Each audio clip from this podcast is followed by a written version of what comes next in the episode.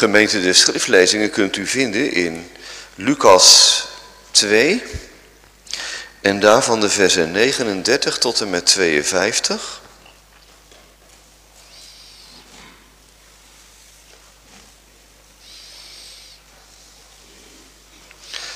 En daarna lees ik u een gedeelte uit Spreuken 10, de eerste vijf versen. Eerste gedeelte is ook het gedeelte waaruit de tekst komt. Dat is het begin van vers 51.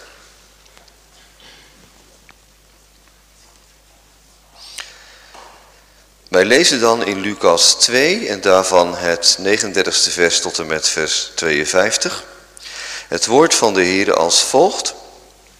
En als zij alles voleindigd hadden wat naar de wet des Heren te doen was, keerden zij wederom naar Galilea tot hun stad Nazareth.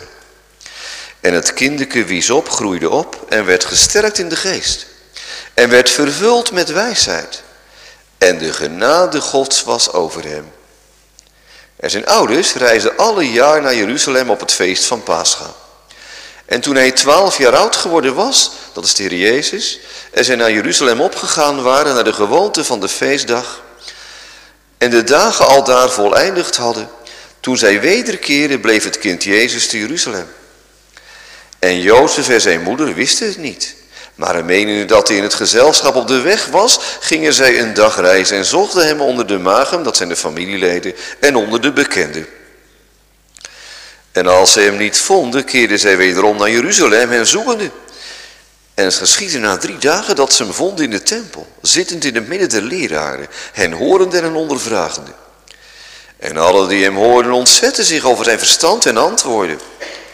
En zij, hem ziende, werden verslagen. En zijn moeder zeide tot hem, kind, waarom hebt gij ons zo gedaan? Zie, uw vader en ik hebben u met angst gezocht.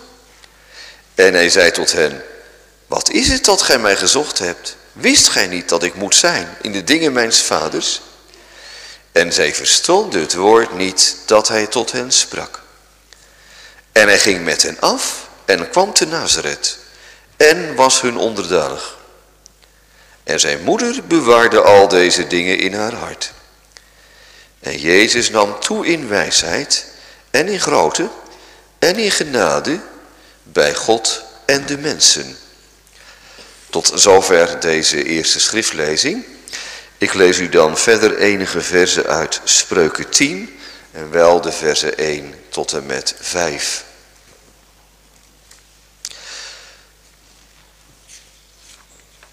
Ik heb dit gedeelte gekozen in verband met het feit dat daar ook gesproken wordt over gehoorzaamheid en wijsheid van kinderen.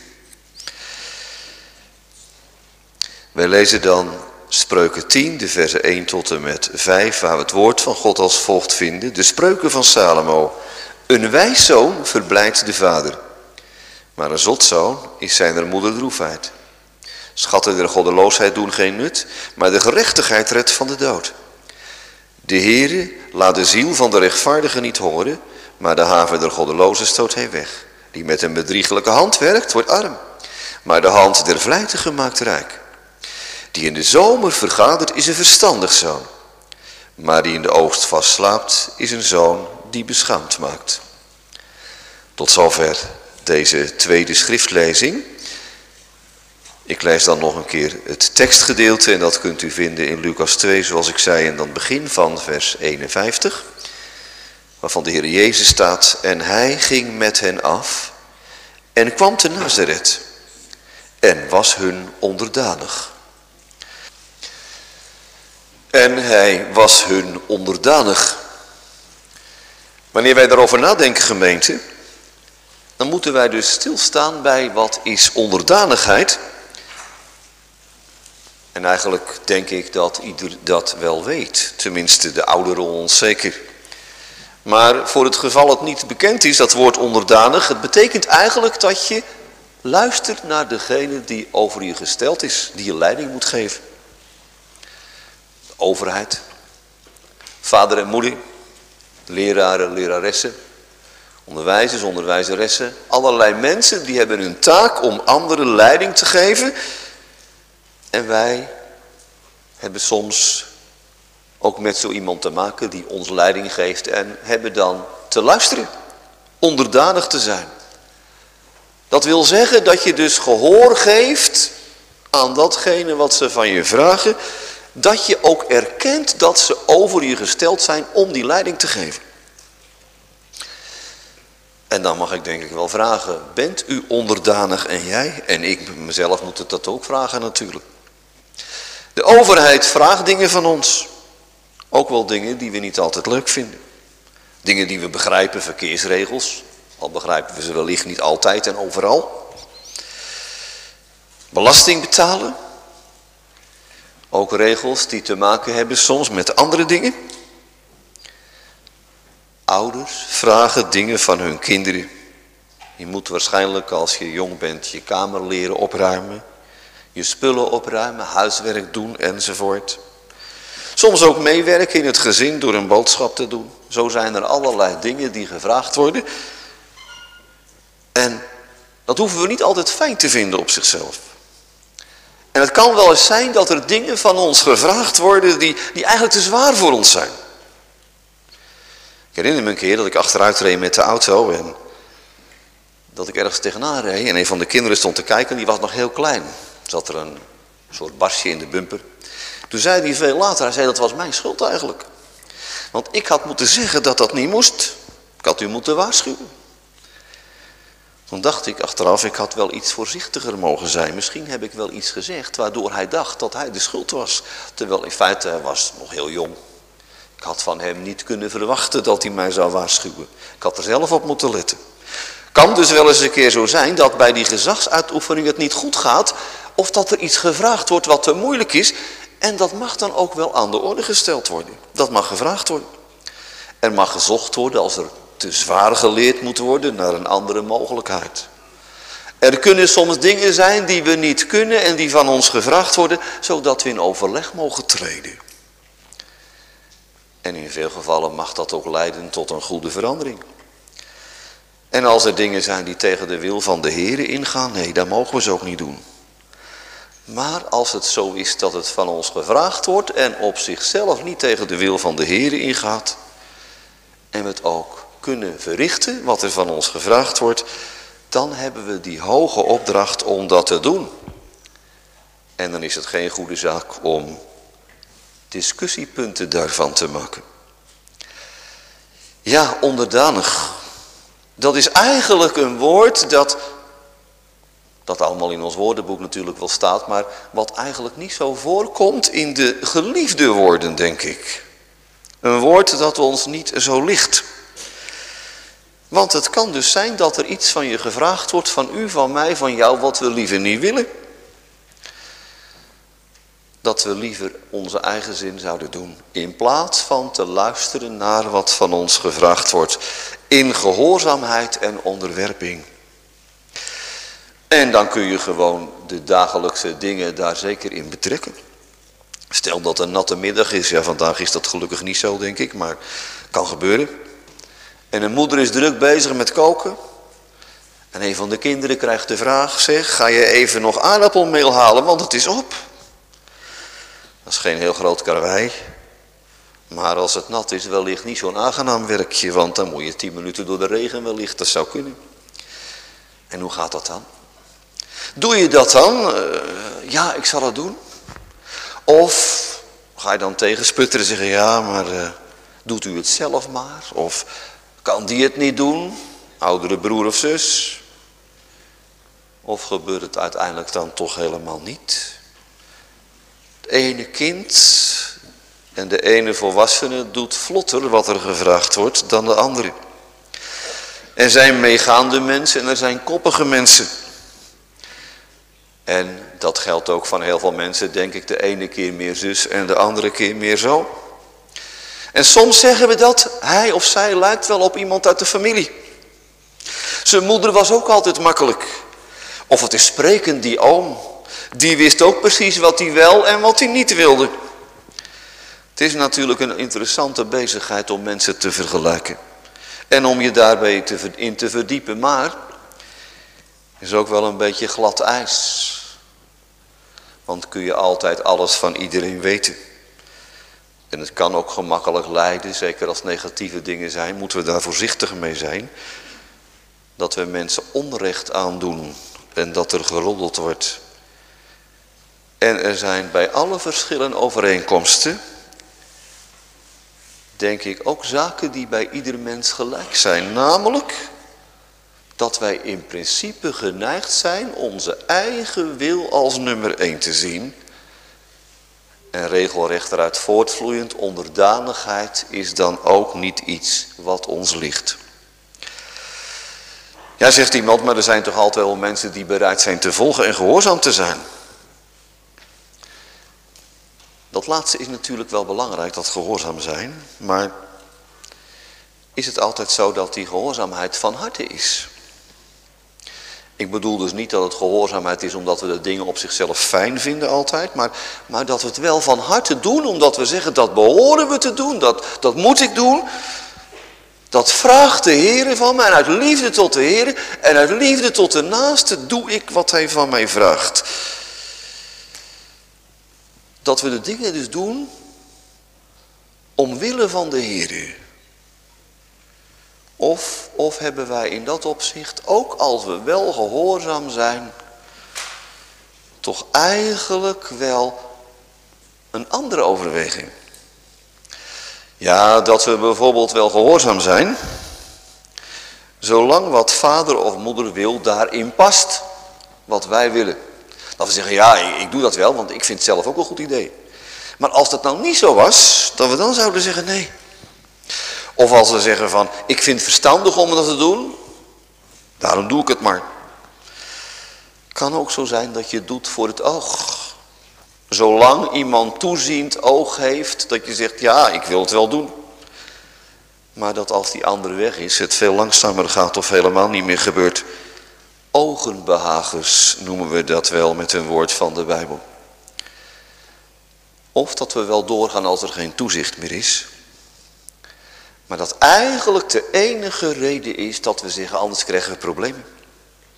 Ik doe het niet uit liefde en gehoorzaamheid, maar ik doe het alleen om geen problemen te krijgen. Want anders dan, ja, dan krijg ik straf of dan wordt er gemopperd of, en daarom doe ik het me niet. Dat is niet de onderdanigheid die de Heer wil. Onderdanigheid zit het woord onderdaan op zekere hoogte in. In het Grieks zit dat er eigenlijk niet in, maar betekent wel dat je je onder die ander stelt. Dat je diens gezag erkent. En dan kan het zijn dat we zeggen, ja, als die ander die het van ons vraagt aardig is, dan doe ik het wel. Of als die veel macht heeft, dat ik problemen krijg anders, ja, dan doe ik het wel. Als het me uitkomt, dan doe ik wat er gevraagd wordt, maar Eigenlijk kan je zeggen, is dat geen onderdanigheid? Is dat eerder iets dat te maken heeft met, ik zal me maar aanpassen. En waar heeft dat mee te maken? Dat wij van onszelf uit niet onderdanig zijn, maar onze eigen zin en wil willen doen. Dan kunnen we heel eind terugbladeren in de Bijbel, aan het begin van de Bijbel lees je het al. Dat mensen hun eigen zin wilden doen. Dan moet je helaas zeggen, dat heeft te maken met opstandigheid. Bij opstandigheid kun je nu denken aan mensen die opstaan en, heel openlijk ergens tegen ingaan. En dat gebeurt natuurlijk ook. Maar die opstandigheid die zit eigenlijk overal wel doorheen wat wij mensen doen als wij niet buigen voor de heilige wil van God. En als wij zo niet de Here en de naaste dienen ook in onderdanigheid, dan heeft dat te maken met innerlijke opstandigheid. Adam, Eva, zij wilden als God zijn. Ze gingen hun eigen gang. Ze beslisten zelf. En het was duidelijk wat ze niet mochten, maar ze waren de Heeren niet onderdanig. En ze boden het oor aan de Satan, de duivel, toen Eva luisterde naar de slang en later toen Adam nam uit haar hand. Opstandelingen zijn het geworden. En ook al de nakomelingen. Opstandeling. U hebt dat wel eens gehoord, zondaar is onze naam van nature. Wel, je kan ook zeggen, opstandeling is onze naam van nature. Eigen meester, niemands knecht, ik doe wat ik wil. Ja, zegt iemand, maar wat heeft dat met de tekst te maken? Wel, daarin vinden we een andere weg. Een heel andere weg. De Heer Jezus was bestraft. Bestraft door zijn bezorgde moeder. Kind, wat hebt u ons aangedaan? Waarom hebt gij ons al zo gedaan? Wat waren ze bezorgd geweest, maar dat zonder goede reden. De Heer Jezus heeft een duidelijk en eerlijk antwoord aan hen gegeven. Wist u niet dat ik moet zijn in de dingen van mijn vader?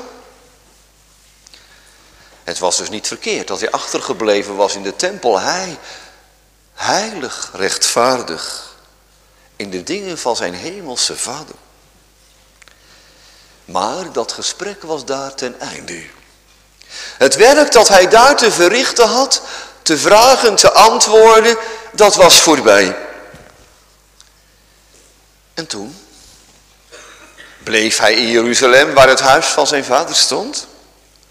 Bleef hij daar bij de priesterlijke dienst, hij die later het lam van God zou zijn, dat zichzelf zou offeren. Hij was het lam en hij zou zichzelf gaan offeren. Kon hij dan niet beter daar zijn? Nee, zijn werk daar was voorbij op dat moment. En wat staat er dan? Hij ging mee naar Nazareth. Zijn plaats in de tempel werd niet gevonden.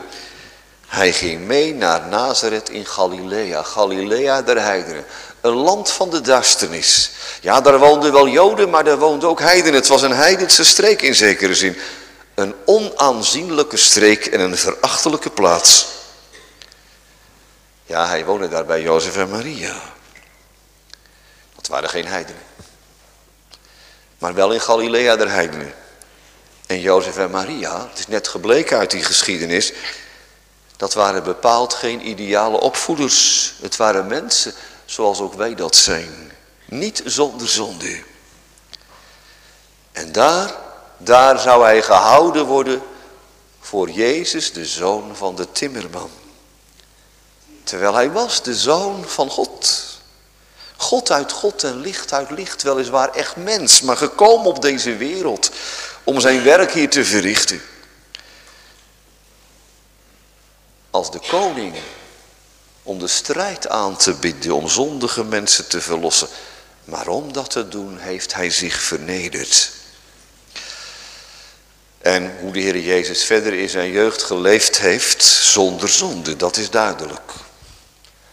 Hij is de mens in alles gelijk geworden, zijn broeders in alles gelijk geworden, uitgenomen, dat wil zeggen uitgezonderd de zonde. De zaken van zijn opvoeding verder. Of hij verder ook inderdaad in dat timmermansvak werkzaam is geweest, het zou kunnen. Of hij daarin opgeleid is, het zou best het geval geweest zijn, maar de precieze gegevens worden ons niet meegedeeld. Eigenlijk hoeven we er ook niet lang bij stil te staan. Want welke contacten hij precies heeft gehad met leeftijdgenoten en met anderen in de omgeving. En wat voor werkzaamheden in het dagelijks leven hij heeft verricht. De Heilige Schrift gaat eraan voorbij. We kunnen zeggen, de geest van God heeft het ons niet nodig geoordeeld, heeft het niet nodig geoordeeld ons dat mee te delen. Zijn gedrag was heilig. En zijn bezigheden waren goede bezigheden. Hij zal gedaan hebben wat hij moest doen. Dat weten we zeker. Heilig en rechtvaardig de Zoon van God, dat heilige dat uit u geboren zal worden, zal Gods Zoon genaamd worden. Zal hier ook gelezen zijn wellicht in de adventstijd, Lucas 1. Eigenlijk wordt er verder niet zoveel over die jeugd verteld. Jawel, dat hij voorspoedig mocht opgroeien, dat de geest van de Heer bij hem was. En, maar wat hij concreet heeft gedaan, dat staat er allemaal niet in. Maar wel dit, wat we gelezen hebben. En hij was hun onderdanig. Mens, echt mens. God uit God en mens tegelijk. En dan een gehoorzaam mens, reeds als kind. En hoe dat zal zijn geweest in de ervaring als hij merkt dat anderen anders waren, zondig waren, oneerlijk waren, ruw waren, gemeen waren, bedriegelijk waren. Hij ging mee en heeft al die dingen ondervonden. En als kind is hij gehoorzaam geweest, onderdanig, zich onderwerpend aan Jozef en Maria. We hebben gelezen wet van de Heer, gehoorzaamheid gevraagd, eert uw vader en uw moeder. Hoe was dat bij u? Bij mij? Hoe is dat vandaag aan de dag? Hoe is het bij jou? Is daar een vreugde bij ouders omdat de kinderen gehoorzaam zijn? Dat jullie jongens en meisjes en jongeren je houdt aan wat er thuis inderdaad wordt meegegeven en wordt gevraagd? Hoe was dat vroeger? Kunnen zeggen, ja, gaat hier over de twaalfjarige Heer Jezus, maar we mogen er alle leeftijden in betrekken. En als we ouder geworden zijn of oud, dan moeten we terugzien en zeggen, hoe was dat vroeger? Deden wij, deden we het van harte wat er van ons gevraagd werd? Of was dat anders? Was dat zo dat we onze eigen gang gingen? Van nature doen we dat wel, onze eigen gang gaan. En zijn wij niet gehoorzaam en niet onderdanig. Maar hij was het wel. Gehoorzaam aan zijn hemelse vader hoorde hij ook naar Jozef en Maria en deed wat ze van hem vroegen. Hij ging met hen mee en was hun onderdanig. Niet alleen in dat meegaan, maar ook in zijn verdere verblijf daar in Nazareth. Wetsgetrouw. Ja, dat waren de fariseeën ook, zeiden ze. Maar die hadden allerlei eigen regels. En soms bleek heel duidelijk dat het hart daaraan ontbrak. Maar hij was oprecht getrouw. En zonder enige zonde. Zie zijn onderdanigheid. Wat een heerlijke zaak. Hij, de verheven zoon van God, is op deze wereld gekomen. Om de wet getrouw te houden. Om te doen alles wat er geschreven staat in het boek van de wet. Zonder enige zonde. Vervloekt is er ieder die niet blijft in hetgeen geschreven is in het boek van de wet om dat te doen. En dat geldt dus mensenkinderen. U, jou en mij van onszelf. Maar van hem kan je zeggen dat hij de vloek niet waardig was, maar dat hij verdiend had. Dat hij zonder enige zorg, zonder enige pijn zou zijn, zonder enig lijden. Het is goed om terug te denken als ouderen. Als u oud geworden bent of ouder. Niet heel oud misschien nog, maar toch ouder dan 12 jaar. Terug te denken aan de jeugd. Wat moeten we dan beleiden? Het is wel een hele tijd geleden dat ik het gehoord heb, maar ik ben nooit vergeten. Dat er iemand was die 40 jaar werd. En dat hij zei, eigenlijk is het bij mij net als bij de Israëlieten in de woestijn. Waar de Heer van moest klagen. Ik heb aan dit volk dat mij vergat een lange tijd verdriet gehad. 40 jaar hun hoon verdragen. Bij het ouder worden en het terugzien moeten we zeggen. Dan hebben we de zonde vermenigvuldigd. Ook de zonde van de ongehoorzaamheid. En laten we het ons dat op zich niet te gemakkelijk maken. Door te zeggen dat was gisteren en dat was vroeger en dat, dat telt allemaal niet meer. De Heer heeft een gedenkboek voor zijn aangezicht. Is het er allemaal uitgewist? Vanwege die gehoorzaamheid van de heiland, van de zaligmaker. En is er ook nu een nieuwe, concrete gehoorzaamheid in het leven uit dankbaarheid? Want dat vijfde gebod. Ja, mensen kunnen zeggen dat gaat over de omgang met de naaste, jawel. Maar al die geboden zijn wel geboden die God gegeven heeft. Beleiden wij inderdaad onze zonden daarin. Kan best zijn dat iemand zegt, ik was jong openlijk al ongehoorzaam. Wat een verschrikkelijk voorbeeld dan ook. En wat een verschrikkelijke zaak. Kan ook zijn dat iemand zegt, ja maar ik was wel netjes bezig, maar, maar mijn hart zegt toch wel dat ik dat niet altijd van harte was. Ik was niet zoals ik moest zijn en ik ben niet zoals ik moet zijn. Naar de naaste niet en naar de Here niet. En als we dat dan constateren, gaan we dan daarmee verder tot de Here. Strijd aanbindend in zijn kracht, biddend om zijn genade. Zeggen we tegen de Heer, Heer, u had zoveel anders aan mij verdiend. Want u bent goed en goeddoende, u bent heilig en rechtvaardig. U hebt uw geboden gegeven, die goede geboden. U hebt mij het leven geschonken en mij een weg door het leven geschreven. En ik heb gedaan wat ik zelf wilde. En niet altijd zo openlijk, maar, maar toch ondertussen wel. In kleinere en in grotere dingen. Beleiden we dat inderdaad ook voor het aangezicht van de Heer? En bestrijden we dat biddend om zijn kracht? Al waren dan onze zonden als scharlaken, zullen wit worden als sneeuw. Al waren ze rood als karmozijn, ze zullen worden als witte wol. Als we in onze zonden en schuld niet blijven volharden in die verkeerde weg, maar het voor de Heere bloot gaan leggen en in zijn kracht er tegen gaan strijden. Nee, niet om de vergeving te verdienen, maar juist om die vergeving te vragen. En dan in de kracht van de Heer daartegen te strijden, mag het woord van de Heer worden gebracht. De wet wordt niet gegeven om te zeggen, laten we dat allemaal gaan doen in eigen kracht. En dan, dan mogen we maar hopen dat het verleden ons vergeven wordt. Nee, we moeten er tegen strijden, maar ook die zonde voor de Heer neerleggen. Rood wordt wit. De radicale kleursverandering van helder of purperrood naar wit als teken van volkomen vergeving. Als je het aan de Heere voorlegt en niet wilt voortgaan op die verkeerde weg. En zal de Heere dan verhoring geven en genade schenken. Als wij onze schuld beleiden, omdat wij dat dan doen, in die zin dat er blijdschap zal zijn bij God dat, dat we eigenlijk toch tot inzicht zijn gekomen als we onze zonde beleiden. Dat de Heer dan zegt, nou dat is zo goed.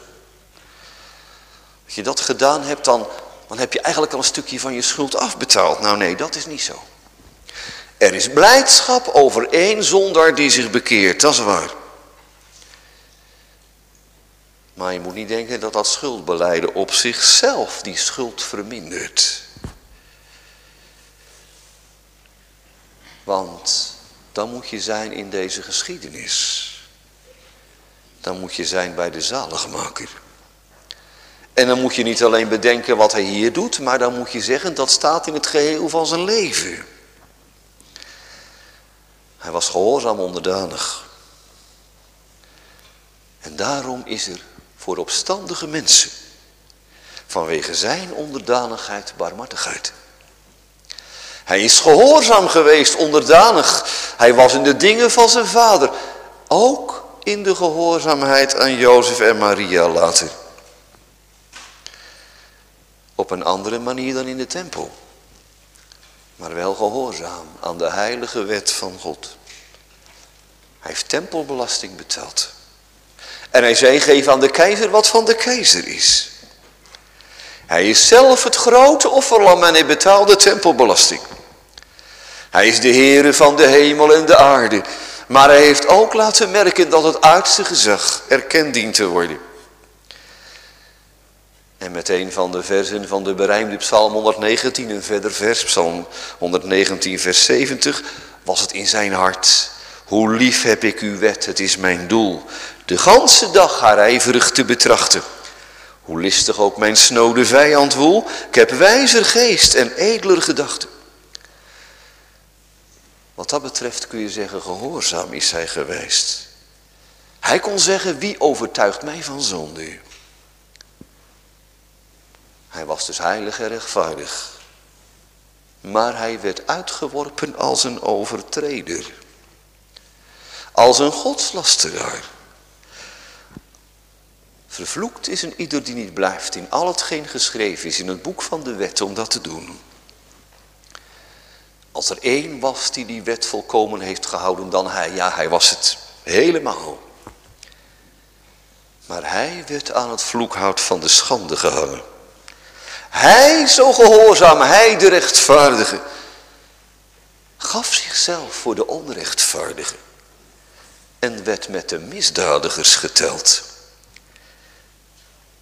Hij had tegen al de geboden van God niet de minste begeerte gehad. En daarin is hij een voorbeeld, want, want wij moeten tegen al de geboden van God niet de minste begeerte hebben. Zo staat in ons leerboek de catechismus. Hij is dus een voorbeeld. Als je dus moeder een grote mond geeft, dan kan je denken dat je gelijk hebt of dat je stoer bent of dat het handig is, want dan hoef je dat of dat niet te doen. Dan ga je regelrecht in tegen wat God heeft gezegd. En volg je daarin openlijk Jezus niet. Als je tegen de zin van vader ergens naartoe gaat, naar een gelegenheid waar, waar je ouders niet willen dat je komt. Omdat iedereen het doet en je denkt, ze merken het toch niet of nou ja, ik kan dat toch wel maken. Dan volg je Jezus daarmee niet, maar trek je je eigen verkeerde spoor. Als leerkrachten op school moeite met je hebben, dan kan je zeggen, ja nou dat moeten zij maar zien, die, die man die kan het niet zo goed of die vrouw die weet het niet zo goed. Maar ondertussen Tuurlijk, leerkrachten hebben een eigen verantwoordelijkheid. Maar moet ik wel zeggen, dan treed je niet in de sporen van de zaligmaker. Je zet je, spoor, je voeten niet in het spoor dat de Heer in zijn wet wijst. En dat ging de Heer Jezus. En overtreden wij de inzettingen van onze overheid. Jezus gaf aan de keizer wat van de keizer was. Laten wij goed bedenken als wij het anders doen, dat wij dat wij afwijken van de rechte weg waarin hij ook is voorgegaan. Ja, zeggen sommige mensen, maar als je aan de ene kant de Heer lief hebt en je valt uit zwakheid in zonde, dat is dan toch zo? Ja, dat gebeurt. Alleen, we kunnen dat natuurlijk ook heel makkelijk aanvoeren en zeggen, ja, ik ben nu eenmaal zo en ook na ontvangen genade ben ik niet volmaakt. Dat zal pas strak, pas straks zijn, dat is waar. Maar gaat het dan vergezeld van dezelfde ervaring als van Paulus? Die met pijn zei, als ik het goede wil doen, ligt het kwade mij bij. En niet ging redeneren zoals ik wel van iemand gehoord heb. Die uh, was een collega, die vertelde dat. Dat hij een gemeentelid was. Die zei tegen hem, dominee, je moet niet te veel hebben over de zonde. Want uh, ja, door mijn werk ben ik oneerlijk. En dan bid ik s'avonds gewoon dat me vergeven wordt. En de volgende dag doe ik het weer zo, want ja, dat hoort nog gewoon helemaal bij mijn werk, dat ik oneerlijk ben. En als u een held over die zonde begint, ik bid toch s'avonds om vergeving, dan kan ik toch gewoon de volgende dag weer verder gaan. Dan zie je niet de pijn die Paulus had daarin terug.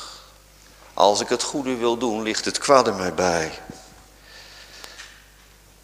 dan zie je in feite de mens die wel graag vergeving en de hemel wil ontvangen. En dat zeer te begeren. Maar die in feite niet de zaligmaker ziet. Tenminste, dat zou ik dan wel vrezen. Als wij uit zwakheid in zonde vallen, moeten wij aan Gods genade niet vertwijfelen. Maar als wij in zwakheid in zonde vallen en zeggen, nou dat geef ik allemaal niet kan je wel afvragen of je wel op de goede weg bent. Want als iemand uit zwakheid in zonde valt, dan is dat nog wel tot oneer van Gods grote en goede naam. En dan moeten we breken met de zonde.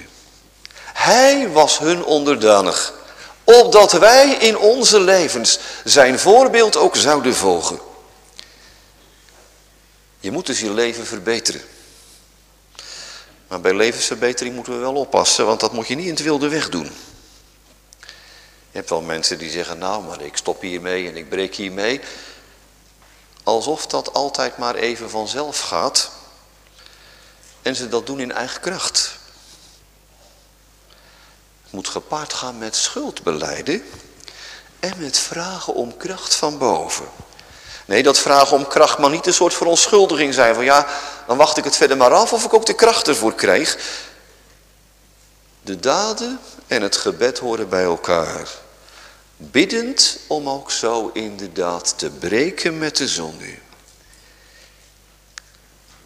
En dan ook wel niet zonder te zien op die gehoorzaamheid van hem, niet alleen als een voorbeeld. Maar ook vragend vergeef, bedek mijn ongerechtigheden, mijn ongehoorzaamheid. Vanwege de straf die hij gedragen heeft. Want dat lezen we in het woord van God. De straf die ons de vrede aanbrengt, was op hem. Dat geldt voor allen die tot hem de toevlucht nemen. Vergeef mijn schuld vanwege zijn straf. Hij was getrouw en gehoorzaam. En hij was dat tot de dood toe. Hij heeft de vloek gedragen. En dat niet voor zichzelf. Wat een troostrijke beleidenis. Dat hij het zei, de drinkbeker die de vader mij gegeven heeft, zijn hemelse vader, zal ik die niet drinken? Door niet alleen gehoorzaam te zijn op de aarde, heeft hij gedaan wat de vader wilde. Maar ook de straf te dragen. Schuilen wij bij hem? Of verkleinen we onze zonde? En gaan we onze eigen gang? Ja, dan moeten we betalen. Betalen voor onze schuld die we zelf hebben gemaakt. En die schuld zal eeuwig duren. Het is altijd betalen, de eeuwige pijn, zonder af te betalen. Een schuld op aarde dagelijks meer wordend, dagelijks groter wordend en in eeuwigheid niet weg te werken. Of we schuilen, beleidende onze zonden, ook onze zonde tegen dit vijfde gebod, onze ongehoorzaamheid. En we schuilen bij hem, de Zoon van God. En we zeggen het, sla de zonde nimmer ga die mijn jonkheid heeft bedreven. Denk aan mij toch in genade, om uw goedheid eer te geven. En dat gebed zal worden verhoord. Dan mogen we leren gehoorzaam te worden, dat ook. En dat zal inderdaad niet volmaakt zijn. Maar wel oprecht.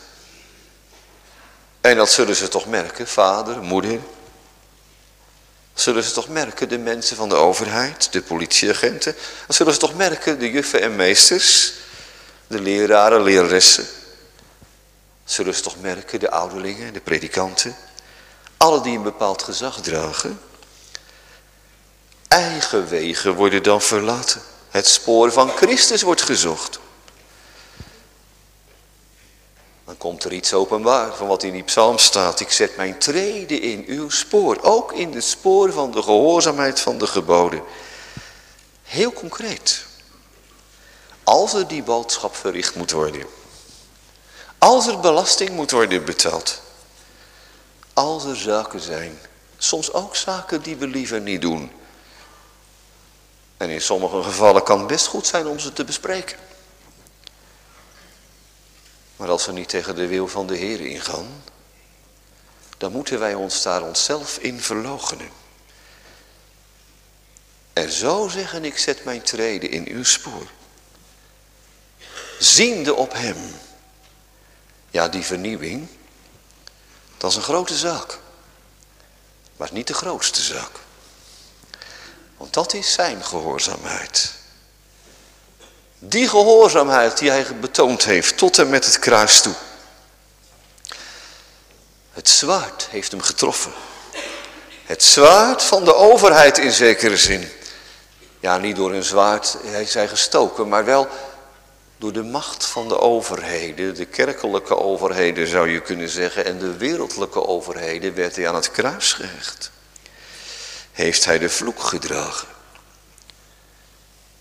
Het zwaard van de rechtvaardigheid van de toren van de Vader heeft hem getroffen. En daarom zullen er mensen zijn, zondaren en zondaressen, die hun opstandigheid hebben beleden. En die van onderdanigheid van hem hebben geleerd, dat ook. Maar, maar die in de eerste plaats van zijn onderdanigheid zijn gaan leven. Die het zullen zeggen die het zullen zingen en loszingen. We hebben het al gedaan. Maar dat mag telkens weer. Stroom van ongerechtigheden had de overhand op mij. Maar ons weer spannig overtreden, verzoend en zuivert gij. Opstandigheid, die leidt tot het verderf. Zijn onderdanigheid, die leidt ertoe dat mensen onderdanigheid van hem mogen leren, maar zijn onderdanigheid leidt ook dat God barmhartigheid bewijst. Opdat hij opstandelingen zal maken tot aangenomen kinderen. Ging naar Nazareth, dat verachtte Nazareth. En hij liet zich uiteindelijk uitstoten. Opdat wij om hem zouden reizen naar het vaderhuis. En dan moet je wel leren gehoorzaam te zijn. Maar dan mag je zijn gehoorzaamheid boven alles zien. Wat een heerlijke zak. Hij was hun onderdanig. Hij ging af naar Nazareth. Opdat ik door het leven heen mag wandelen. Achter hem aan. En wandelen is misschien een beeld wat ons de oproept dat het gemakkelijk is. En misschien is dat niet goed. Misschien moet je zeggen, opdat ik zou gaan, zou volgen. Dat is niet altijd gemakkelijk. Maar wel ook achter hem aan die Nazareth heeft aangedaan. Daar moest wonen. Die aan het kruis gehecht werd. Maar die ook voorgegaan is naar de hemelse heerlijkheid. Hij heeft geleden om zondaar het vaderhuis te openen. Opdat zelfs wederhorig kroost. Afkerige kinderen. Die het gaan beleiden, ik heb gezondigd. Altijd bij God zouden wonen. Amen.